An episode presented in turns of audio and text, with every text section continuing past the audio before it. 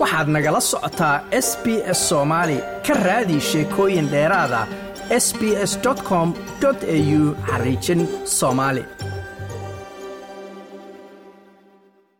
ra'iisul wasaare ku-xigeenka xukuumadda federaalk ah ee soomaaliya saalax axmed jaamac ayaa dah furay shir lagu soo bandhigayey istaraatiijiyadda qaran ee xasiloonnida deegaanada laga xureeyey xarakada shabaabka oo ay ka soo qayb galeen wakiilada beesha caalamka ee soomaaliya. Shirka ayaa sidoo kale waxaa ka qayb galay wasiirada ku shaqada leh arrimaha xasilinta ee heer federaal iyo heer dowlad goboleed gaar ahaan kuwa arrimaha gudaha iyo hay'adaha deeqbixiyaasha iyadoona lagu soo bandhigay warbixinno waafi ah oo sharaxaya howlgalladii ugu dambeeyey ee xoraynta iyo horumarka laga sameeyey iyo sidii adeegyada aasaasiga ah loo gaarsiin lahaa goobaha dib ugu soo laabtay gacanta dowladda ugu horeyntii waxaa furitaanka shirkaasi ka hadlay wasiirka arrimaha gudaha ee xukuumadda federaalk ee soomaaliya axmed macalin fiqi. Waxaa kaloo ay istaraatiijiyaddan iftiiminaysaa ahmiyadda ay leedahay isku xirka iyo nidaaminta dadaalada xasilinta si looga feejignaado isbarbaryaac kaasoo hoos u dhigi kara ka guulgaaridda dadaalada xasilinta dalka. Si arrintan looga hortago istaraatiijiyaddani waxay bidhaaminaysaa heerarka kala gedisan ee isku xirka howlaha xasilinta oo ah mid heer federaal oo ay garwadeen ka yihiin wasaaradaha ku shaqada leh xafiiska ra'iisul wasaaruhuna uu coordinationka leeyahay. Wasaaradda arrimaha guduhuna ay hoggaanka iyo hormuudka tahay iyo mid heer dowlad goboleed. Sidoo kalena waxay istaraatiijiyaddani hoosta ka xariiqaysaa lahaanshaha iyo hoggaanka dowladda federaalka dhammaan dadaalada xasilinta si dowladdu ay u buuxiso kaalinteedii dowladnimo dadkan ugu adeegto si siman oo ay cadaaladi ku dhisan tahay. Sidoo kale dadaalada xasilintu waxay si dhow lagu xirayaan hannaanka dib u heshisiinta dowladaha hoose dimuqraadiyeynta iyo federaaleynta dhammaan howlahani waa kuwa ay wasaaradaha wasaaradda arrimaha guduhu federaalka iyo kuwa dowladaha xubnaha ka ahba ay u xilsaaran yihiin iyadoo kaashanaya hay'adaha kale ee heer federaal iyo kuwa dowlad goboleed.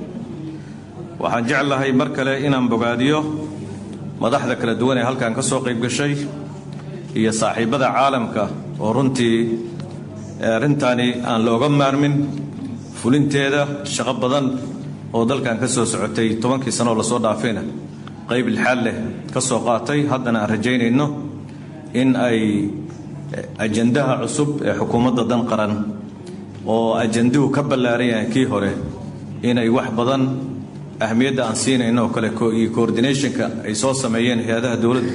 Mid la mid ah in beesha caalamka iyo deeqbixiyaashuba laga heli doono. Wasiirka arrimaha gudaha ee maamulka hirshabelle oo ku hadlayey afka wasiirada arrimaha gudaha ee maamul goboleedyada dalka ee uu ka socdo dagaalka ka dhanka xarakada shabaab ayaa ka warbixiyey halka ay marayaan dhaqdhaqaaqyadii ugu dambeeyey iyo dagaalada looga horjeedo al-shabaab ee ka dhacay deegaanada maamulada dalka gaar ahaan midka hirshabelle isagoona madaxda ka qayb gashay shirkaasi ka codsaday in goobaha afartii bilood ee la soo dhaafay laga saaray xarakada shabaab in la gaarsiiyo adeegyada bulshada ee asaasiga ihi marka laga reebo degmada adayabaal deegaanada kale oo dhan waxay gacanta dowladda soo galeen iyo ciidanka dib u xoreynta gobolka shabeellada dhexe iyo gobolka hiiraan waxaa dhiman degmada aadayabaal waxaan leenahay alxamdulilah waxaa hadda iskale ilaahay.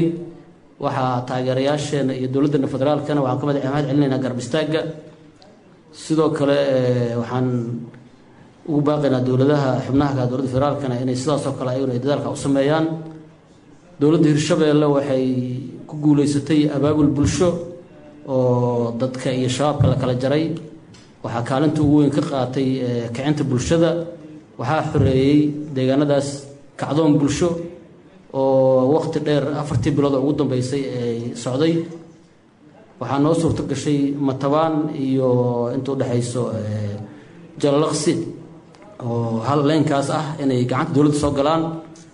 Waxaa noo suurto gashay ruunurgood iyo inta udhexaysa cadala inay gacanta soo galaan sidoo kale waxaan rabnaa saacadaha soo socda inaan aadayabaal aan kacdoon bulsho iyo ciidamada qalabka sido iyo ciidanka deegaanka aan ku qabanno.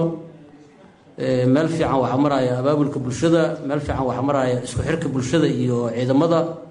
Meel fiicanna waxaa maraya insha allahu garab istaagga dowladda federaalka ay noo sameyso iyo ciidamadan sne iyo saraakiisha xoogga dalka soomaaliyeed. Sidoo kale deegaanada isteedyada dariskeennaana waxaa ka socda howlgalla sida galmudug ayagana meel fiican maraayo oo ka wada warqabtaan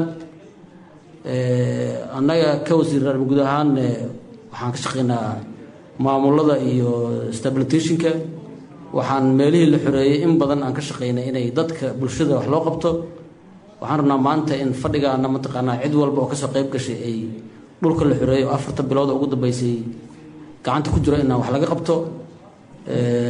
Hirshabeelle iyo galmudug iyo south west intaba iyo jubbaland waa wada joognaa ra'iisul wasaare ku-xigeenka xukuumadda federaalk ee soomaaliya saalax axmed jaamac oo ugu dambeyntii halkaasi ka hadlay ayaa madasha ka xusay muhiimadda ay leedahay in gacan gargaar lala gaaro dadka soomaaliyeed ee muddo ku sugnaa deegaanada laga xoreeyey xarakada shabaab islamarkaana loo baahan yahay in layska kaashado fulinta qorshaha ballaaran ee xasilinta ra'iisul wasaare ku-xigeenka ayaa dhaliilay dadka ka soo horjeeda howlgallada iyo dagaalada ka dhanka xarakada shabaab ee iminka ka socda qeybo ka mida dalka isagoona hoosta ka xariiqay in soomaalidu iyagu ay isu gurmanayaan sida uu yidhi qofba waxbuu u yaqaanaa gobonnimada iyo stabilisationka anna waxaan u aqaanaa maalinka aynu qolyahan walaalaheena caalamka ka kala yima ina taageeraya aynu fasaxno oo inta aynu raacno aynu dal kaloo inaga ayaan daran u soo wada gurmanno.